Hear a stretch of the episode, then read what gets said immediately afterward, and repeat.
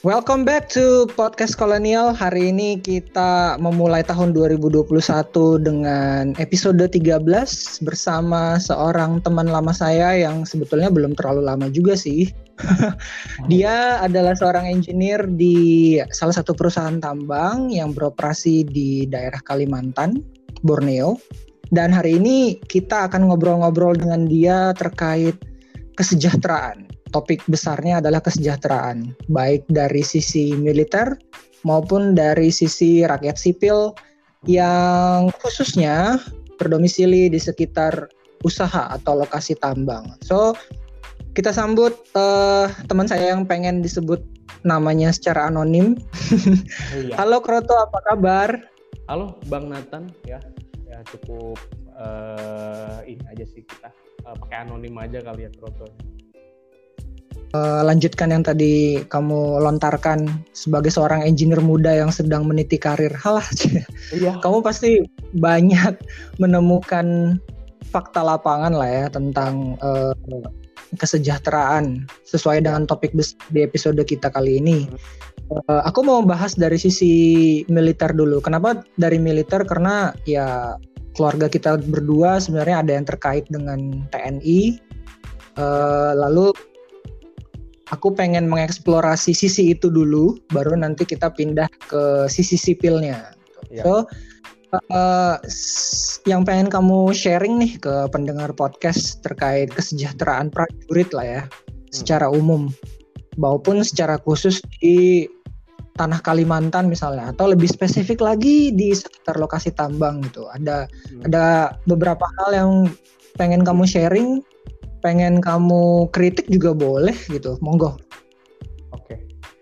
uh, eh, aku langsung to the point aja bang ya jadi paling okay. gini aja sih mungkin uh, se dari kacamata sipil dari kacamata uh, kita ya kami uh, aku lihat di Kalimantan Timur itu adalah uh, apa uh, kesejahteraan memang agak kurang khususnya di perbatasan ya.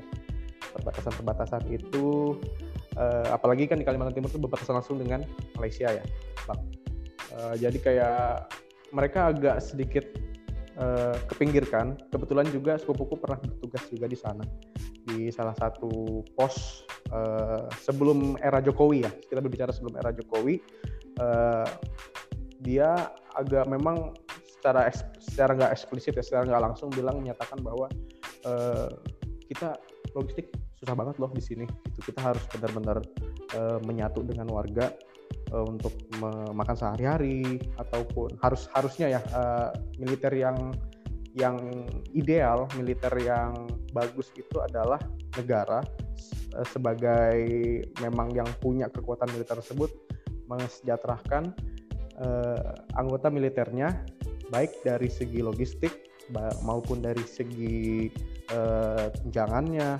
maupun uh, semua yang berkaitan dengan uh, militer tersebut.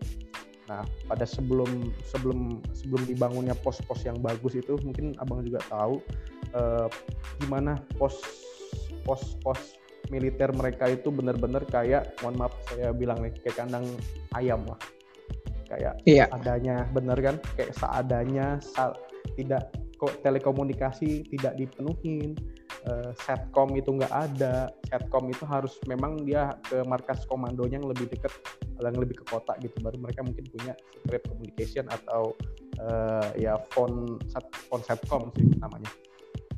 Kalau pas pada zaman itu ya memang susah. Kayak uh, baju pun agak susah untuk mereka harus jahit sendiri mereka harus mereka diberikan kainnya terus lo monggo lah lo jahit sendirilah gitu. Kemudian sepatu pun uh, susah juga kan apalagi mereka juga hampir setiap hari mungkin seminggu sekali patroli trekking uh, masuk ke dalam hutan apa segala macam itu kan otomatis ada logistiknya tuh.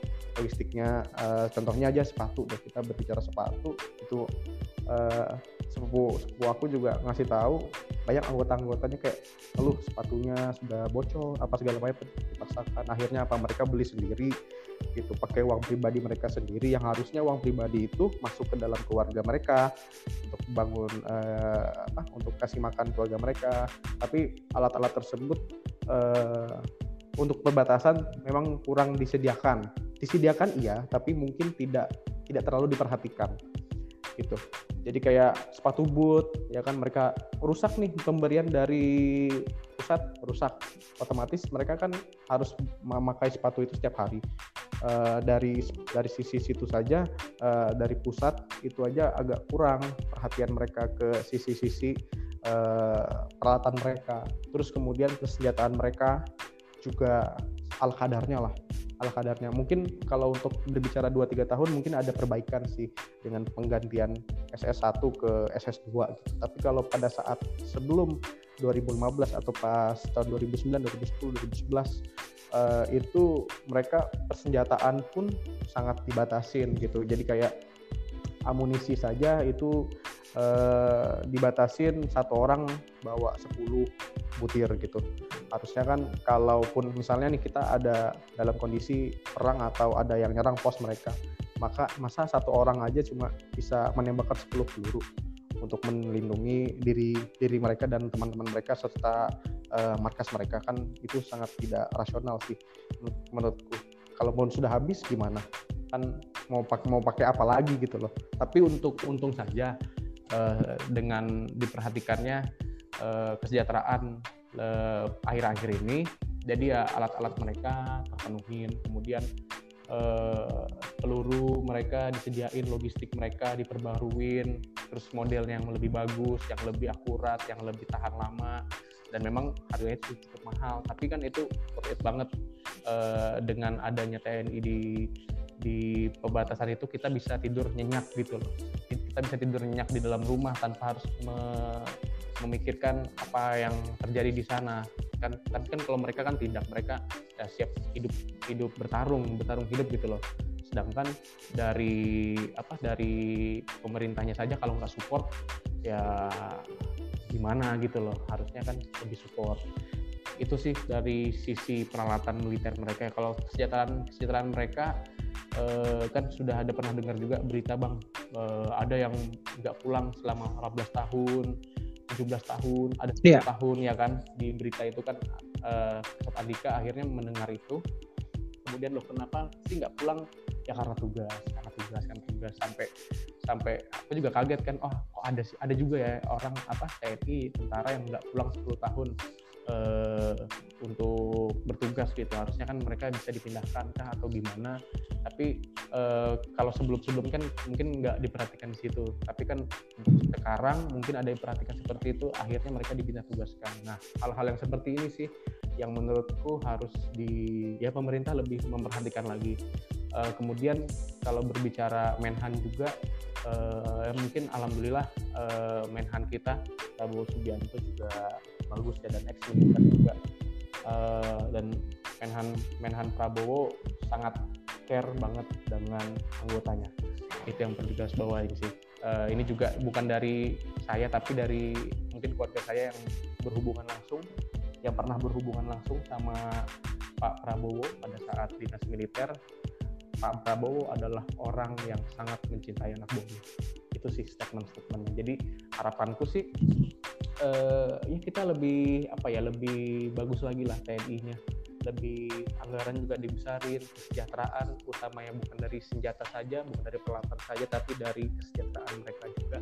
Itu harus ya ditambah lah. Dan alhamdulillah saya lihat juga uh, ada uh, penambahan-penambahan ya tunjangan-tunjangannya dinaikin gitu-gitu. Kayak uh, ada uang patroli kah atau uang apa gitu yang sebelumnya nggak ada jadi ada. Kan mereka juga semangat gitu. Mereka ada uh, feedback juga dari pemerintah gitu. Artinya apa? Artinya mereka bisa lebih kompeten lagi ya kan? Lebih semangat lagi untuk patrolinya. ya, karena uh, mereka merasa diperhati, lebih diperhatikan. Oke memang perhatikan dulu dulu tapi kalau untuk sekarang mungkin lebih diperhatikan. Sudah mereka sudah sadar kalau oh, pemerintah ini sudah memperhatikan kami gitu.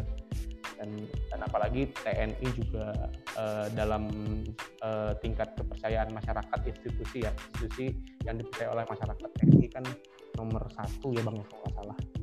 Yang sangat dipercaya sama masyarakat. Jadi kepercayaan masyarakat juga bagus gitu kepada TNI dan mereka bangga dengan itu kamu mengangkat perihal perbatasan tuh aku teringat dengan disertasinya Pak Mul ya tahun 2014 atau 2015 itu tentang kawasan perbatasan juga kan gimana dia mengembangkan konsep integrasi terhadap pos-pos perbatasan ya. dan meningkatkan kesejahteraan semua stakeholder termasuk masyarakat umum yang ya. tinggal di daerah perbatasan. Betul. Jangan sampai kayak Kalimantan mana ya? Kalimantan Utara kalau nggak salah itu hmm. ada warga Indonesia tapi mereka lebih senang bertransaksi pakai ringgit. Ya, itu. Daripada pakai rupiah karena listrik saja tidak diperhatikan dan akses jalan ya infrastruktur gitu jalan yang paling gampang hmm. ke kampung mereka itu ya Allah masih tanah gitu masih masih bisa dihitung dengan jari lah berapa yang udah beraspal jadi kayak ya wajar akhirnya mereka lebih senang menggunakan ringgit. Hmm, jadi kayak makanya uh, pemerintah juga melalui program-program pembangunan infrastruktur kemudian pembangunan desa-desa ya kan? Uh, artinya apa mereka uh, pemerintah sudah sadar oh ini jangan lagi deh Jawa sentris gitu pembangunan. Uh, kita harus juga memperhatikan masyarakat-masyarakat luar gitu di Kalimantan Timur, Kalimantan Utara, ya perbatasan-perbatasan, Sulawesi Utara seperti itu sih. Untuk aku lihat trennya seperti itu sih kayak uh, pembangunan, oke okay, memang pembangunan masih banyak di Pulau Jawa tuh, tapi uh, mereka sudah melihat juga ke arah ke depannya, oh ini Jawa nggak uh, mungkin kita bangun terus, kasihan juga yang lain-lain soalnya uh, salah satu penghasil devisa terbesar di Indonesia itu kan ada di Kalimantan Timur juga khususnya Kalimantan Timur kan yeah. dengan gasnya dengan uh, batu kuarsnya dengan tambang batu baranya. Nah itu juga salah satu aset negara yang harus sebenarnya diperhatikan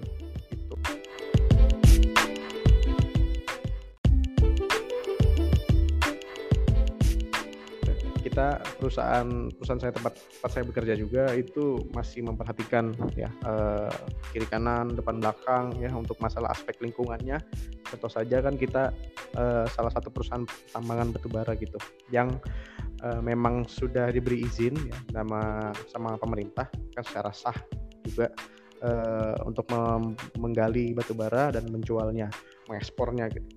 Nah itu juga kami anggap aja misalnya gini satu bulan kita beroperasi uh, berproduksi batu bara anggap satu juta per bulan gitu.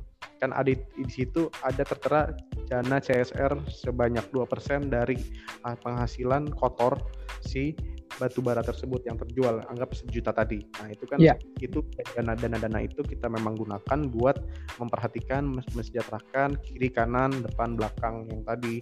Uh, kita bangun masjid ya kita bangun gereja juga kita nggak peduli uh, background latar agamanya seperti apa di kampung A, di kampung B, kampung C. Tapi memang kalau misalnya di situ ada gereja kita bangun, kita bagusin. Kemudian di situ ada masjid ya kita bangun, kita uh, kita bagusin gitu. Kemudian uh, impact ekonominya juga bang banyak juga sih. Salah satunya di daerah ini ketika memang gak ada tambang batu bara ya mereka jadi kota mati gitu. Kayak jadi desa mati gitu. Karena apa? Karena uh, kebanyakan lelaki-lelaki yang uh, ada tinggal di lokal sini di tempat-tempat kita menambang ini uh, kita serap tenaganya kita serap tenaganya. Dan penghasilan mereka juga cukup besar. Uh, anggap aja yang paling kecil itu 7 juta. 7 juta per bulan kali berapa ratus orang di sini. Dan secara nggak langsung itu kan 7 juta itu oh penghidupan mereka itu ya dari tambang batu bara karena apa? Kita berkomitmen juga untuk menyerap tenaga lokal. Tenaga-tenaga lokal gitu yang secara nggak langsung itu menghidupi ekonomi ekonomi eh, orang-orang uh, yang ada di sini. Gitu. Ketika memang anggap satu uh, di tahun eh sorry bukan di tahun 2019 memang ada pandemi itu ada salah satu perusahaan yang tutup ya di tambang sebelah mungkin tiga dua kan tiga tambang sebelah tempat aku bekerja. Itu uh, kesejahteraannya hilang kan? Apalagi desanya juga kurang maju. Karena apa? Karena uh, dari perusahaan tersebut tidak memberikan lagi dana-dana CSR itu. Karena apa? Karena memang izin sudah tutup dan sudah memang memang, memang reklamasi dan memang ketika sudah operasi perusahaan sudah tidak berkewajiban lagi untuk memberikan dana CSR karena nggak ada yang batu yang keluar kan? Patokan seperti itu. Jadi itu juga sangat mengafeksi apa me, apa me, mempengaruhi lah. Mempengaruhi uh, kesejahteraan uh, di masyarakat di sekitar sini. Dan pengaruhnya di undang-undang minerba kalau menurut pandanganku sih dengan adanya undang-undang minerba itu memang kalau kemarin undang-undang minerba itu uh, ada hoax juga bang. Ada yang memang memang nggak benar tapi ada mungkin SJW SJW meng-up ah ini gini gini nanti lingkungan rusak pas segala macam tapi dengan adanya bantang, tambang batu bara ini kita juga memasukin devisa negara yang cukup besar begitu kepada ya ujung-ujungnya apa devisa devisa negara itu ya digunakan buat pembangunan juga kan. Jadi uh, secara nggak langsung uh, kita juga membantu negara begitu. Karena memang kita punya sumber daya alam yang memang bisa dieksploitasi ya kenapa tidak? Tapi mungkin uh, di undang-undang minerba batubara ini harusnya memang ada batasan untuk mengeksplorasi dan mengeksploitasi. Jangan sampai uh, dengan adanya undang-undang ini investasi juga masuk besar ya kan? Kemudian kita sampai lupa nanti dengan anak cucu kita nanti pada saat anak cucu kita sudah jadi pemimpin-pemimpin nanti malah nggak ada lagi sumber daya yang di tambang atau sudah tidak ada lagi pemasukan. Karena uh, kita melakukan penambangan secara masif di tahun-tahun 10 mungkin 10 tahun atau 20 tahun lagi kita masih akan melakukan penambangan secara masif tapi tidak tidak ada sustainable development gitu loh Bang dalam undang-undang minerba yang yang aku baca sih mungkin seperti itu sih Oke, aku mau nanya ini satu isu yang mungkin sensitif ya tentang lubang tambang. Oke. Nah, itu kan beberapa kali muncul di media arus utama. Ada beberapa contoh kasus di mana lubang tambang itu berjarak sangat dekat dengan pemukiman penduduk, kemudian sudah banyak memakan korban, terutama anak-anak, ya kan, dalam beberapa tahun. Lalu uh, ini masih masih banyak nggak sih sebenarnya lubang-lubang tambang ini sekarang ya? Kita ngomong saat ini di sekitaran Kalimantan Timur atau memang ada upaya yang serius untuk menutup atau mengubah atau apa ya mengkonservasi, lubang tambang itu jadi sesuatu yang lain gitu yang uh, lebih lebih aman untuk penduduk sekitar atau gimana? Ya sebenarnya sih ada mungkin beberapa beberapa perusahaan yang meninggalkan lubang tambang ya kan. Perusahaan-perusahaan tersebut sebenarnya harusnya berkewajiban untuk menutup kembali ya karena itu sudah masuk dalam jaminan reklamasi mereka. Otomatis uh, harusnya memang sempat tutup tapi ada memang uh, upaya kalau nggak salah sih pada saat zaman Awang Faruk Ishak itu yang gubernur sebelum ini sebelum gubernur gubernur di Kalimantan Timur ini ada uh, wacana untuk menjadikan lubang tambang sebagai uh, taman rekreasi gitu atau taman air. Tapi nyatanya juga nggak ada aksi sampai ke situ. Jadi uh, sebenarnya banyak bang. Untuk aktualnya banyak bahkan mungkin lebih banyak yang ada kan di media tuh mungkin anggapnya berapa puluh ruang tambang tapi sebenarnya uh, lebih banyak lebih banyak lagi gitu loh. Yang ratusan. yang ratusan. Itu itu tambang legal dan ilegal ya. Kita berbicara kalau tambang legal dan ilegal tambang ilegal pun banyak sebenarnya. Marak kayak mereka nambang di izin usaha pertambangan orang lain tanpa ada uh, jaminan reklamasi atau apa segala macam ya itu ilegal ya kan? Nah itu banyak juga bang ternyata di sini yang yang aku lihat juga. Jadi uh, maupun legal dan ilegal apalagi yang ilegal ilegal mah kalau sudah ambil abad batu ya udah wes gitu loh. Langsung mereka langsung tinggalkan alat tinggalkan uh, lubang tambang itu terbuka nggak. Jadi ada juga yang tambang ilegal, ada juga memang yang tambang legal dan itu berusaha untuk ditutupin. Maksudnya direklamasi lagi, maksudnya ditimbun tanah lagi juga ada. Tapi nggak semuanya juga, karena itu juga membutuhkan biaya yang besar. Nah harusnya juga perusahaan-perusahaan itu juga bisa memper, apa bisa memperhatikan itu juga. Tapi entah kenapa eh, perusahaan-perusahaan sekelas eh, besar-besar itu perusahaan-perusahaan yang PKB 2B generasi pertama itu uh, tidak melakukan itu. Dan aku aku berbicara seperti ini mungkin karena uh, pengawasannya kurang. Begitu hmm. pengawasannya kurang ya kan? Karena inspektur tambang kalau seluruh Kalimantan Timur itu ada sekitar 8 orang kalau nggak salah. Itu mengcover hampir berapa puluh IUP, IUPK ya kan? Karena tidak ada sanksi yang jelas sanksi yang jelas oh misalnya gini aku ada perusahaan tambang nih aku sengaja aku memang nggak buka apa nggak nimbun lagi dulu bang nah sanksinya tuh apa gitu loh? Apakah cuma jamrek saja kah yang ditahan yang nggak dicairin atau gimana? Nah itu kan karena karena susah juga sih kita berbicara korporasi siapa yang bertanggung jawab gitu loh. Apakah direkturnya atau apa segala macam. Jadi ketika mengusi ketika kalau ada sanksi yang yang pas sanksi yang memang uh, untuk perusahaannya untuk orangnya mungkin bisa jadi uh, lubang-lubang tambang itu nggak ada gitu loh tapi aktualnya uh, banyak sekali lubang tambang karena apa? Karena belum ada sanksi yang pas untuk mereka-mereka yang nambang tapi nggak ditutup lubangnya. Jadi makanya masih lubangnya masih nganga apa segala macam. Kemudian ada korban jatuh juga karena apa? Karena juga uh, mereka banyak uh, apa ya kayak berenang-berenang di situ ya kan. Padahal sebenarnya sudah ada warning di situ, sudah dipagarin. Uh, aktualnya itu sudah dipagarin, sudah ada warning jangan berenang, jangan apa segala macam, tapi juga dari sisi masyarakatnya juga you know lah masyarakat Indonesia kan nyoba-nyoba yang nggak jelas gitu akhirnya mereka kecebur seperti itu. Aku nggak nyalahkan masyarakat juga sih. Kemudian aku juga nggak nyalahkan eh, apa nggak nyalahkan perusahaan juga karena perusahaan kalau sejauh korporasi itu memandang kalau sejauh masih masuk dalam peraturan pemerintah mereka akan ikutin itu. Tapi kalau memang mengatakan apa uh, peraturannya lemah kemudian pengawasan juga kurang dan mereka kurang diperhatikan mungkin ada upeti-upeti kah atau segala macam. Ya terjadilah lubang masanya gitu. Pengangkatan makanya agak susah juga sih kalau untuk mengatasi lubang tambang ini. Harusnya kalau memang pengawasannya ketat ya kan sanksinya jelas uh, kemudian eh, masyarakat juga tahu masyarakat juga paham hukum harusnya lubang tambang itu nggak ada.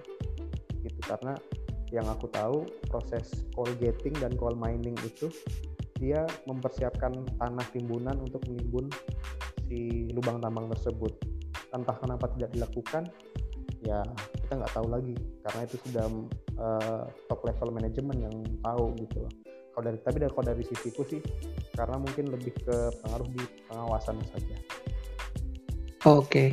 Uh, eh, aku mau masuk ke ranah merger nih sebelum nanti kita bikin konklusi. Ini bisa dianggap pertanyaan terakhir lah ya. Iya sudah. mergernya ya.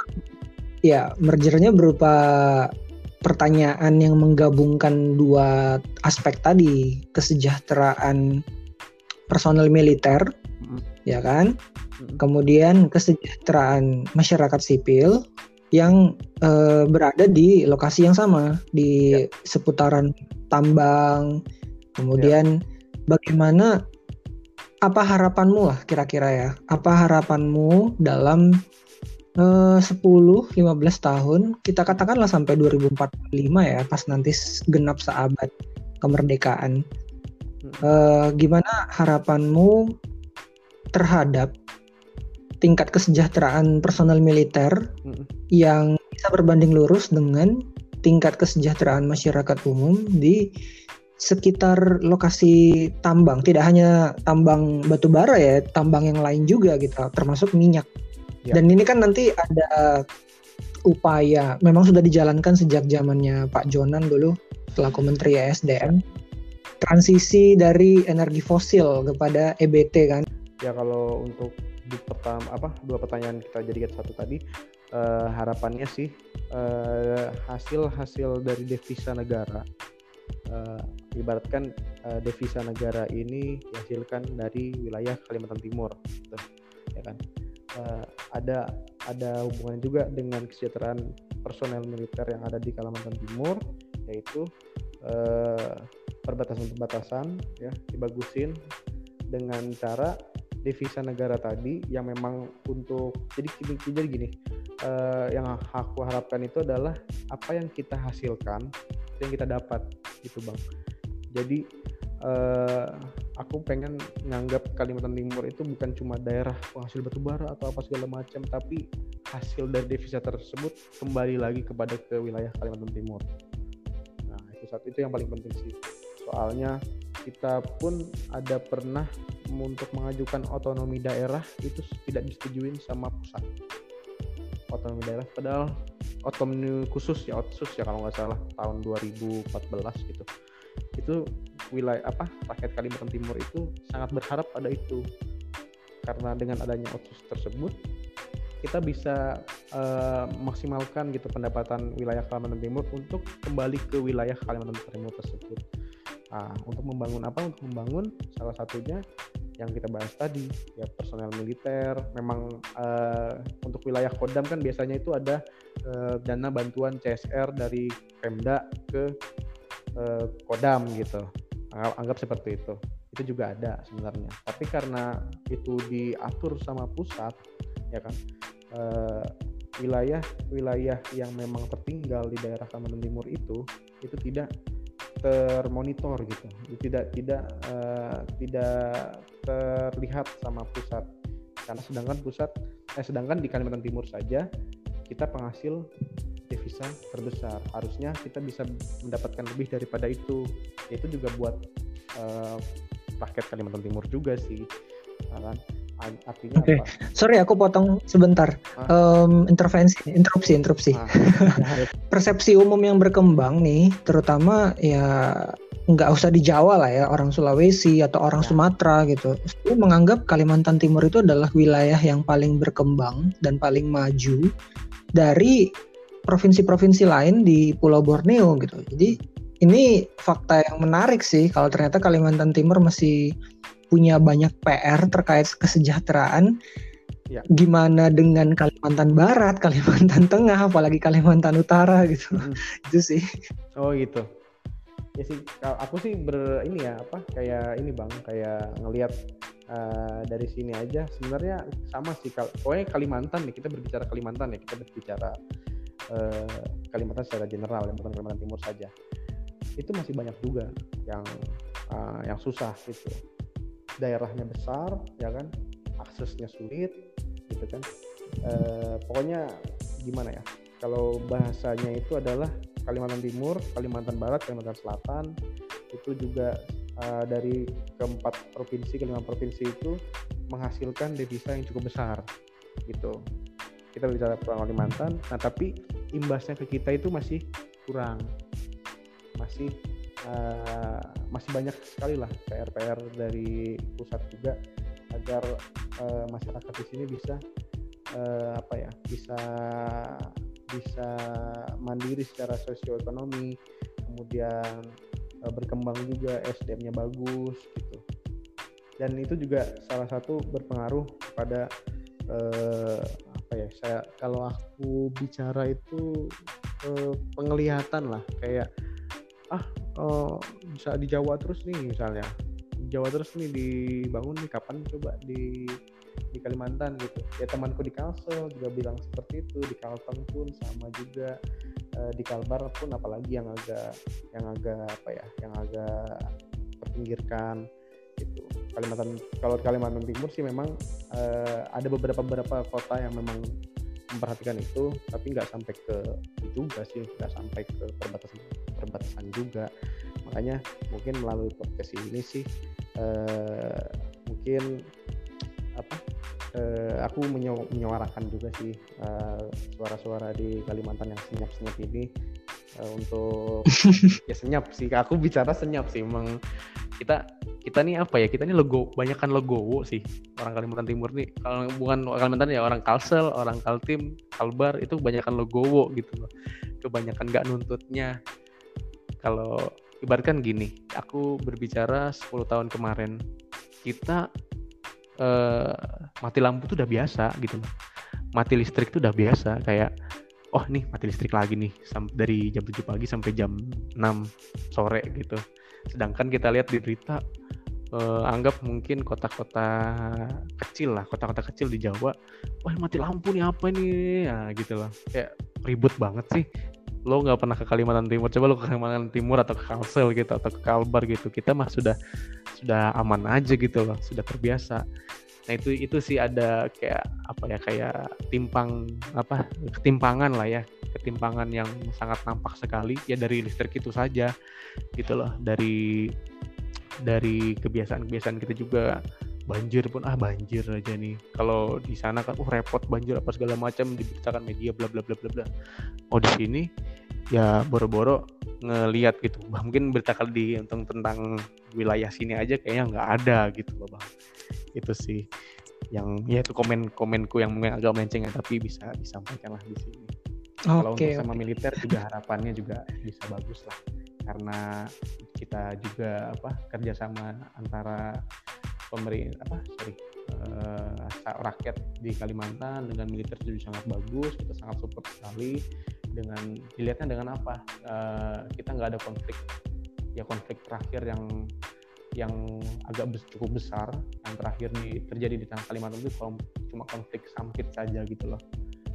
Konflik yang antara antar ras ya. Setelah itu kita ada banyak kita kita sangat support sekali sama militer kita juga toleransi juga tinggi. Kita belajar banget dari kejadian sampit yang sekitar tahun 2001-2002 itu uh, untuk intol apa uh, intoleransi mungkin di sini juga masih bisa dikatakan under control gitu. Dan okay. itu berkat kerjasama sama TNI Polri dan stakeholder-stakeholder yang lain. Walaupun sebenarnya uh, di ya banyak sih ada suku-suku yang cukup uh, tentang itu gitu loh. Tapi kita bisa meredamnya lah. Kita ajak dialog mereka untuk bisa menyampaikan pendapat mereka sesuai dengan kaidah-kaidah hukum yang berlaku. Panjang banget sih. Oke, terima kasih banyak ya udah ya. meluangkan waktu nih di tengah kesibukanmu. Aman bang, ya inilah makanya saling apa ya ya kita saling bertukar pikiran lah semoga podcastnya juga didengar sama orang-orang. Oke terima kasih buat para pendengar podcast yang lain. Semoga tercerahkan dengan episode kali ini dan sampai berjumpa di episode selanjutnya. Ciao. Ciao ciao ciao